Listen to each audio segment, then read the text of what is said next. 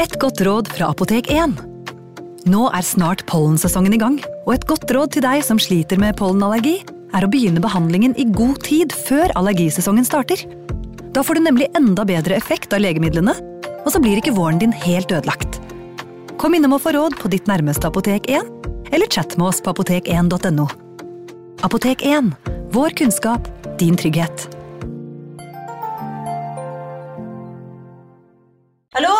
Jeg kommer fra Oslo politikammer. Ine Jansen er purk. Er du purk? The motherfucking bitch. Alt jeg vil, er å finne ut hva som skjedde med mannen min. Jon Carew. Er jeg sikta for noe? Iben Akeli. Det er du. Ole So, Lars Berrum og Big Daddy Karsten. Hvem sin side er du på, egentlig? Anette Hoff, Tone Danielsen, Kommer du fra Afrika? Jørnis Josef, Nesten kløfta. Trond Espen Seim, Det er synd å si det, men det var feil mann som døde. Purk. Premiere tirsdag på TV2 Play. Ungsamtalen fra DNB er økonomisk veiledning tilpasset deg som er ung. Bokk en ungsamtale på dnb.no. slash ung. Det er kjempebra hvis du skal inn på boligmarkedet, hvis det er drømmen din, liksom. Det er det du skulle sagt. Og så kunne du ropt litt mer, da, sånn som jeg gjorde. Bam! Advarsel. Denne podkasten inneholder skildringer av ekte drap og kriminalsaker som kan være støtende for enkelte. Det advares også mot sterke inntrykk i deler av episoden. Jenny svingte inn på snuplassen utenfor North Rockhampton High School og kikket på klokken. Da hun så at hun var ti minutter tidlig ute, skrudde hun av tenningen og satte seg til å vente. Hun hadde ikke tatt med seg noe å få tiden til å gå med, så hun ble kun sittende og kikke bort på skolen. Ti minutter gikk overraskende fort, og før hun visste ordet av det, hadde klokken ringt og elevene begynte å strømme ut gjennom dørene. Jenny kunne se hvordan de knuffet og lo mens de trasket nedover trappen og ut på veien. Noen gikk på skolebussen som sto og ventet langs veien. Andre hoppet inn i ventende biler eller begynte på hjemveien til fots. Jenny kikket etter Natasha i mengden, men fikk ikke øye på henne. Hun kunne se noen av klassevenninnene hennes der de forsvant nedover veien, men fremdeles var det ingen tegn til datteren. Da plassen utenfor skolen var blitt tømt for elever, og Jenny fortsatt ikke hadde sett noe til Natasha, begynte hun å lure. Så kom hun på at datteren sannsynligvis hadde bestemt seg for å gå hjem uten å si fra.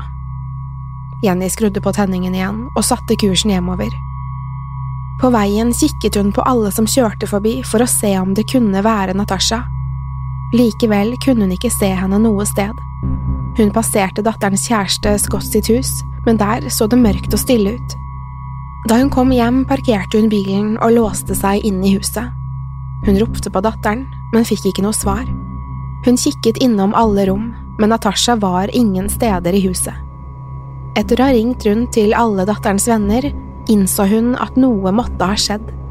Natasha var borte, og ingen visste hvor hun var blitt av. Velkommen til True Crime Podden.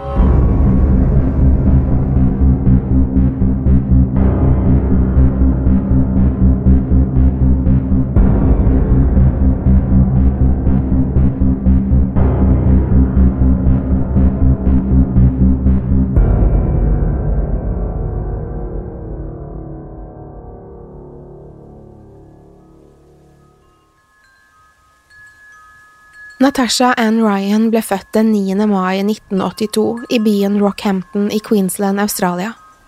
Hun var den mellomste av foreldrene Jenny og Roberts tre barn, og hadde en storesøster som het Donna, og en lillebror som het Chris.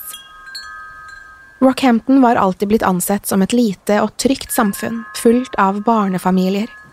Familien trivdes derfor godt i byen.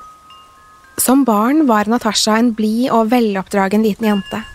Hun likte godt å lære nye ting og var alltid nysgjerrig. I tillegg var hun et livlig barn, noe som gjorde at faren Robert ga henne kallenavnet Gresshoppe. Natasha vokste seg til et pent barn med langt, mørkt hår og brune øyne. En stund levde familien et lykkelig liv uten noen store problemer. Men da Natasha var tidlig i tenårene, bestemte foreldrene seg for å skilles. Faren giftet seg på nytt og flyttet til en annen by som lå flere timer unna. Skilsmissen hadde kommet brått på unge Natasha, og hun ble veldig preget av den. Det gjorde at hun begynte å slite, både psykisk og på skolen. Hun var ikke lenger interessert i å lære nye ting, og hun begynte å utagere. I 1998, da Natasha var 14 år gammel, hadde hun begynt på North Rockhampton High School. Hun hadde fremdeles ikke klart å riste av seg de dårlige vanene etter at foreldrene skilte seg. Hun mistrivdes på skolen, og hadde til og med blitt utvist for dårlig oppførsel en gang tidligere. Det virket ikke som ting var så mye bedre hjemme heller. Hun hadde nemlig rømt hjemmefra flere ganger ved hjelp av sin syv år eldre kjæreste, 22 år gamle Scott Black. Hver gang var hun blitt funnet etter et par dager eller hadde kommet hjem av seg selv. Natasha kranglet også mye med moren og hadde begynt å eksperimentere med narkotiske stoffer. Det var til og med noen som påsto at hun hadde forsøkt å begå selvmord flere ganger. Det var helt tydelig at tilværelsen plaget henne voldsomt. Likevel var det lite som var unormalt om morgenen den 31. august 1998. Natasha skulle på skolen som vanlig og ble sluppet av av moren Jenny. Natasha hadde gitt Jenny en klem og sagt at hun var glad i henne før hun hadde hoppet ut av bilen. De vinket til hverandre før Jenny kjørte. Da Jenny kom tilbake utpå ettermiddagen for å plukke opp datteren, kunne hun ikke finne henne noe sted. Da datteren ikke var hjemme heller, begynte Jenny å bli bekymret. Hennes første tanke var at Natasha hadde stukket av igjen. Hun ringte likevel politiet og meldte fra om at datteren var blitt borte. Nettopp fordi Natasha hadde forsøkt å rømme hjemmefra så mange ganger, ble det ikke lagt stort med ressurser i å finne henne den første tiden. Men ettersom tiden gikk og ingen hadde verken sett eller hørt noe fra henne, begynte familien å bli oppriktig bekymret. Denne gangen kunne det virke som Natasha var blitt borte på ekte.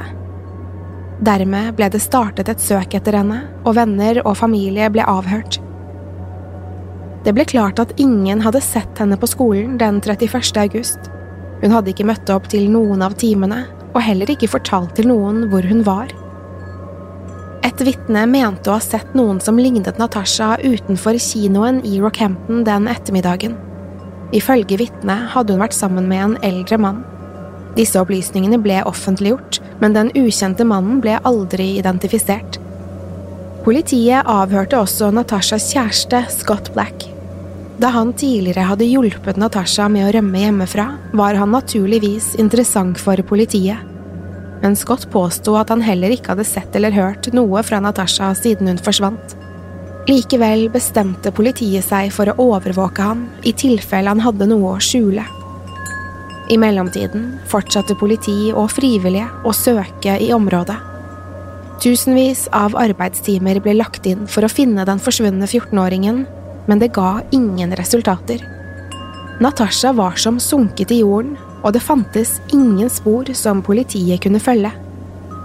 Flere måneder gikk uten at noen ting skjedde i etterforskningen. Julen 1998 kom, og Ryan-familien måtte feire høytiden uten datteren sin.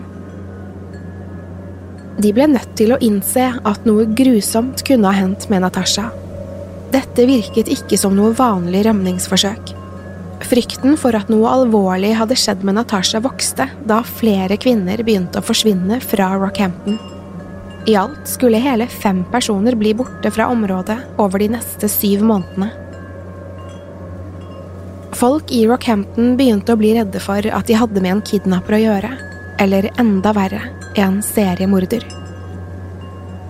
I desember 1998, fire måneder etter at Natasha var blitt borte, forsvant en 39 år gammel kvinne som het Julie Turner.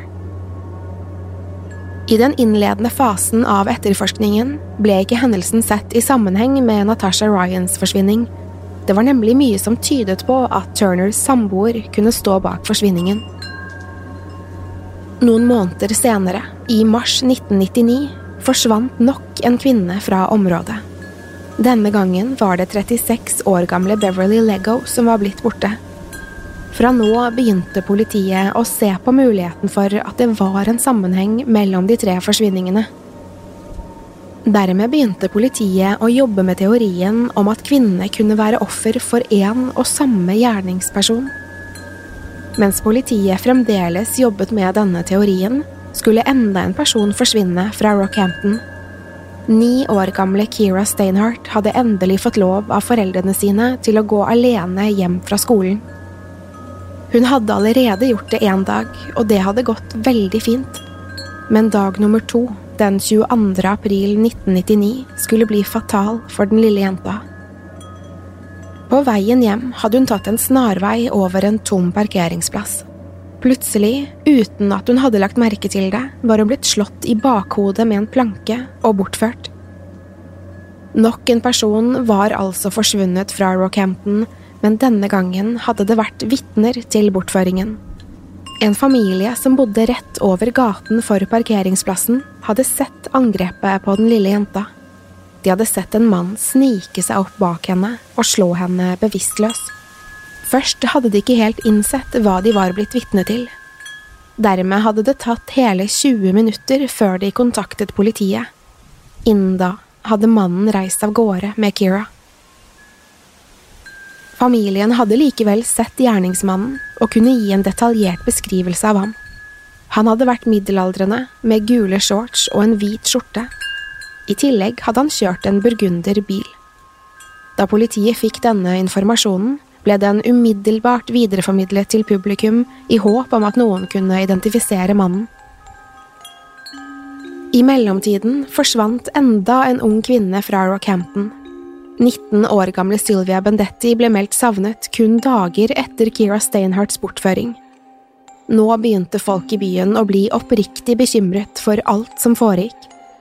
Politiet fikk mye kritikk for måten sakene ble håndtert men akkurat idet folk var i ferd med å miste all tro på politiet, skulle det komme et gjennombrudd i saken.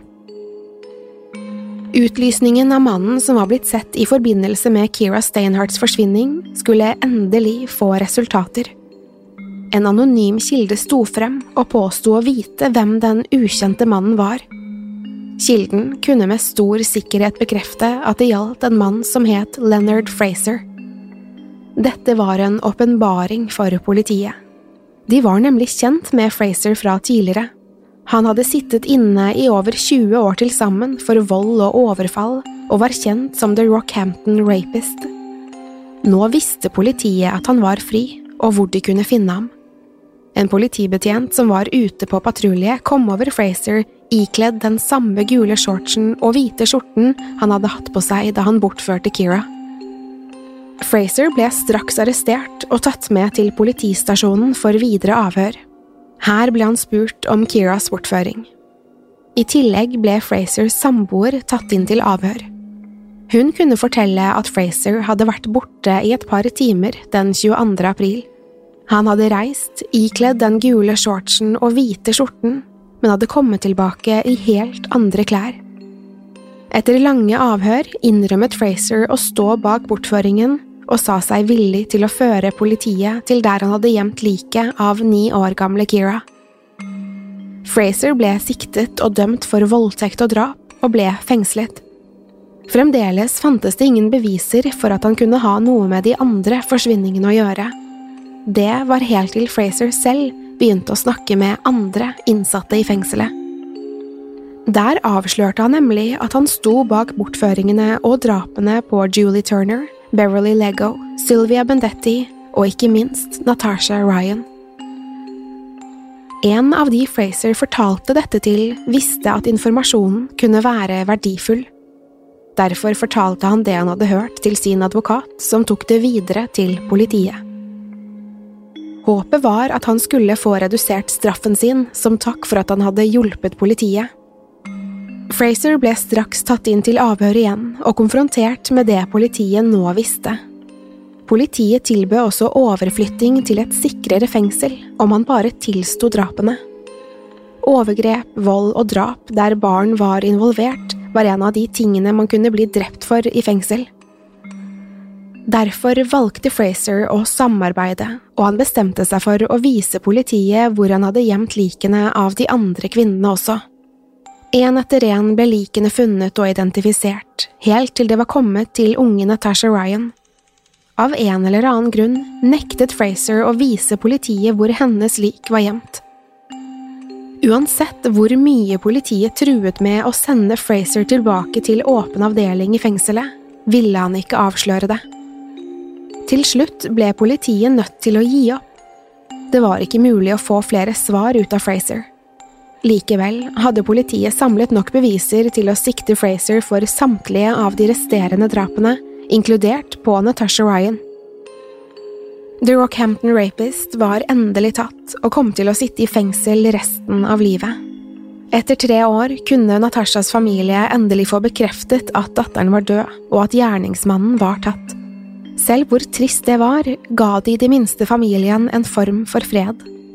I mai 2001, på det som ville vært Natashas 17-årsdag, ble det avholdt en minnestund for den litt trøblete, men høyt elskede tenåringen som aldri kom hjem fra skolen den dagen i 1998. Frasers rettssak startet i april 2003, knappe fem år etter at Natasha hadde forsvunnet. Ett etter ett ble bevisene lagt frem, og alt talte for at Fraser sto bak alle de grusomme forsvinningene og drapene. Så, på dag elleve av rettssaken, skjedde det noe som skulle forandre alt. Plutselig annonserte en politiadvokat at Fraser ikke var skyldig i drapet på Natasha likevel. Det gikk en sjokkbølge gjennom alle i rettssalen da politiadvokaten la frem det han visste. Dagen i forveien hadde politiet mottatt et anonymt tips om at Natasha var å finne i Rockhampton hos ingen andre enn Scott Black, Natashas kjæreste. Politiet hadde straks reist dit for å gjennomsøke huset, som kun lå drøye fem minutter unna Natashas mors hus. Da de hadde tatt seg inn, hadde Scott vært bastant på at de ikke kom til å finne Natasha der, men han hadde virket nervøs. Politiet gjennomsøkte hvert eneste rom, helt til de kom til soverommet. Da hadde Scotts nervøsitet doblet seg. En av politibetjentene hadde åpnet klesskapet, og der, mellom jakker og skjorter, lå Natasha Ryan. Ikke bare lå hun der, men hun levde i beste velgående. Politiet kunne ikke tro sine egne øyne. Natasha, som nå var blitt 18 år gammel, var endelig funnet. Funnet ble straks rapportert og annonsert i rettssalen den påfølgende dagen. Natashas far, Robert, som var til stede i rettssaken mot Fraser på vegne av Natasha, var i ferd med å besvime da han fikk høre at datteren var i live. Der og da fikk han en mobiltelefon i hånden og ble fortalt at Natasha var i den andre enden. Robert ble da bedt om å bekrefte om kvinnen var Natasha eller ikke.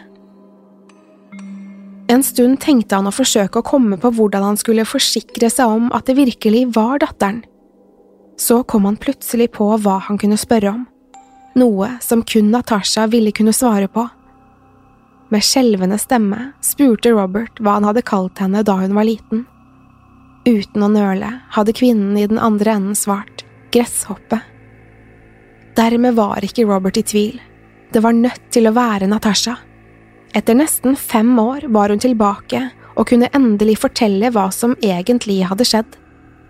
Det første hun ville poengtere, var at hun hadde holdt seg skjult av egen fri vilje. Det var så mange som så på henne som et offer for manipulasjon fra kjæresten Scott, som var så mye eldre enn henne. Likevel var Natasha helt tydelig på at Scott hadde hjulpet henne og ikke holdt henne fanget. Natasha og Scott hadde bodd sammen i huset, men hadde flyttet frem og tilbake mellom Rockhampton og byen Yeppoon. Scott hadde jobbet som melkemann og tatt vare på Natasha, som knapt hadde vært utenfor hjemmet. På de neste fem årene hadde Natasha kun vært ute et par ganger.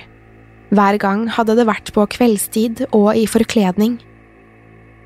Om Scott en sjelden gang hadde besøk, hadde Natasha gjemt seg inne på soverommet eller i klesskapet der hun til slutt ble funnet. Natasha kunne likevel bekrefte at hun ikke hadde tilbrakt mye tid i klesskapet, og at det kun hadde vært når det var strengt nødvendig. For at ingen skulle mistenke noe, kjøpte aldri paret klær eller andre produkter til Natasha. De var sikre på at folk ville begynt å stille spørsmål om Scott plutselig begynte å handle kvinneklær og sanitetsprodukter. Derfor hadde Natasha lært seg å sy, slik at hun kunne lage sine egne klær.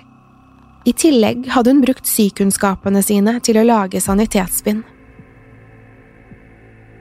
Da hun så godt som aldri var utenfor huset, hadde hun brukt tiden sin til å lære seg fag via internett. blant annet hadde hun lært seg tysk helt på egen hånd. Paret hadde også flere treningsapparater i huset, slik at Natasha hadde noe å gjøre på dagtid mens Scott var på jobb. Til tross for at Natasha sto frem med mye informasjon etter at hun ble funnet, var hun tydelig på at hun aldri kom til å avsløre offentlig hvorfor hun rømte. Likevel har hun fortalt i flere intervjuer at hun var lei av tilværelsen sin. Hun hadde vært sint på alt og alle og ønsket seg bort. Scott hadde tilbudt henne en utvei, og hun hadde tatt den. Hun hadde valgt å forsvinne uten tanke på hvordan det ville påvirke familien eller samfunnet. Da Natashas mor fikk høre at datteren var funnet i live og uskadd, kunne hun først ikke tro at det var sant. Hun kunne ikke se for seg at datteren kunne utsette sin egen familie for en sånn påkjenning. Men da hun innså at det virkelig var Natasha som var blitt funnet, var det eneste hun kunne føle, sinne. Hun hatet datteren for det hun hadde gjort, og visste ikke hvordan de skulle gå videre fra dette. Men så snart hun fikk se Natasha, var alt som glemt et lite øyeblikk. Mor og datter klemte og gråt. Samtidig hadde de ikke sett hverandre siden den dagen i august 1998. Moren hadde vært sikker på at Natasha var død, og hadde innfunnet seg med det. Dermed var de nødt til å bli kjent på nytt. Australias befolkning var like sjokkerte som foreldrene. Alle hadde hørt om saken mot Leonard Fraser og de fem han hadde drept. Da det ble kjent at Natasha hadde forsvunnet av egen fri vilje, skyldte en blanding av lettelse og sinne over befolkningen. Det var blitt brukt enorme ressurser på å finne henne, og nå følte folk seg lurt. En mann hadde vært nær ved å blitt dømt for drapet på Natasha. I tillegg var nærmere en halv million australske dollar av skattebetalernes penger blitt brukt på saken. Det var derfor veldig lite populært da Natasha viste seg å leve i beste velgående. Mange mente derfor at Natasha og Scott burde betale tilbake store deler av beløpet som var blitt brukt på etterforskningen. At Natasha håvet inn store beløp på å stille på intervjuer i ettertid, var heller ikke spesielt populært. Saken ble naturligvis enorm i mediene, og alle ville ha et intervju med jenta som hadde rømt hjemmefra i fem år. Natasha ble til og med nødt til å ansette en agent som kunne håndtere alle forespørslene. Det ble sagt at hun kunne få så mye som 250 000 australske dollar for et dybdeintervju. Men til tross for klagene fra befolkningen ble det aldri lagt krav på noen av pengene som Natasha tjente på intervjuene. I ettertid fikk Natasha en bot på skarve 1000 australske dollar for å ha hindret etterforskningen. Scott, som Natasha påsto kun hadde hjulpet henne, fikk den strengeste straffen. Han ble dømt til tre års fengsel og fikk en bot på 16 000 australske dollar, både for å ha hindret etterforskningen og for å ha løyet i avhør. I dag lever Natasha og Scott fremdeles sammen, men har flyttet bort fra Rockhampton. De giftet seg i 2008 og har fire barn sammen. De har trukket seg ut av prestens søkelys og lever et fredelig og anonymt liv sammen.